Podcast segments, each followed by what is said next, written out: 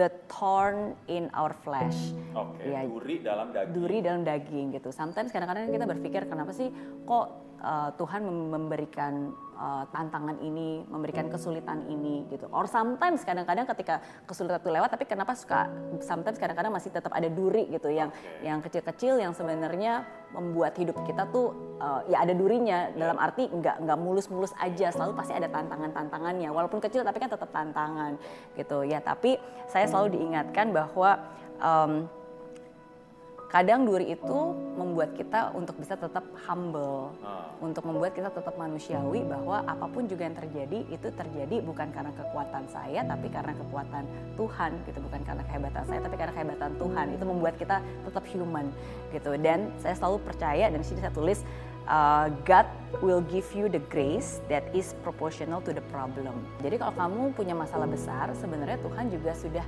menyiapkan kasih dan jalan yang juga besar untuk membuat kamu kuat gitu untuk bisa melewatinya gitu. So God will always give you that that grace lah berkah. Tuhan nggak- Di sini saya tulis uh, His grace is sufficient. Uh, the suffering of these present times are not worth comparing with the glory that will be revealed in you. And in this moment of weakness, I declare that I am strong, I'm blessed, I'm filled, I'm an overcomers, I'm conquerors, and let the weak say I am strong, and let the poor say I am rich. Yeah, so I believe the setback and the thorn will be a great testimony one day. Every pain has a purpose. In the moment of your des- in the moment of your decision, that your destiny is shaped.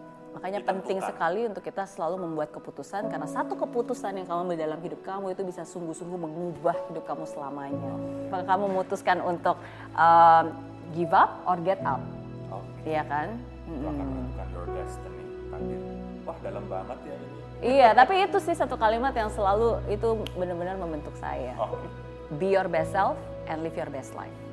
Menurut saya itu penting banget. Uh, be your best self. Kenapa? Karena anak-anak muda zaman sekarang mereka banyak melihat kiri kanan gitu dan selalu mereka oh jadi ini jadi ini kayaknya oke ya. Tapi yang paling penting adalah harus kepo, kenali potensi diri kamu sendiri gitu. Be the best version of yourself. Gitu dan jalani hidup ini dengan kesungguhan uh, dan jalani hari-hari kamu ya dengan rasa syukur gitu dan wujudkan mimpi kamu. Jadi itu sih be your best self and live your best life. live your best life. Live your best life menurut saya adalah kata kuncinya adalah live ya. Karena banyak orang menjalani hari tapi mereka nggak menghidupi harinya. Dalam arti mereka ya ya udah jalan aja kayak zombie gitu. Iya, iya. Dan menurut saya live your best life ya bener-bener nikmati, jalani, sadari hidup ini. Sadari bahwa setiap hari tuh kamu bangun tidur, ah saya masih nafas loh, saya masih hidup loh. Berarti ada sesuatu yang harus saya lakukan di dunia ini ada suatu hal mungkin yang harus saya pelajari, ada satu hal mungkin yang saya bisa bagikan gitu. Jadi menurut saya uh, being aware, menyadari presence kita, menyadari siapa diri kita, menyadari apa arti kita, menyadari apa kontribusi kita, itu menurut saya penting banget gitu Oke. untuk to really live Betul. your best life.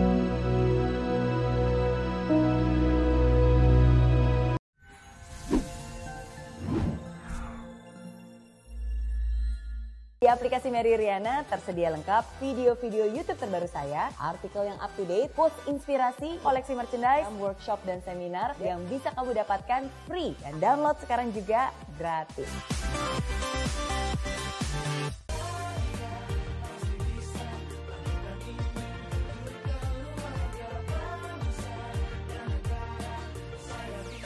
Ya, ah, hujan, hidup tanpa kering dan mati tanpa hijaunya tumbuhan. Ah, demikian kalau mimpi tak kunjung terjadi.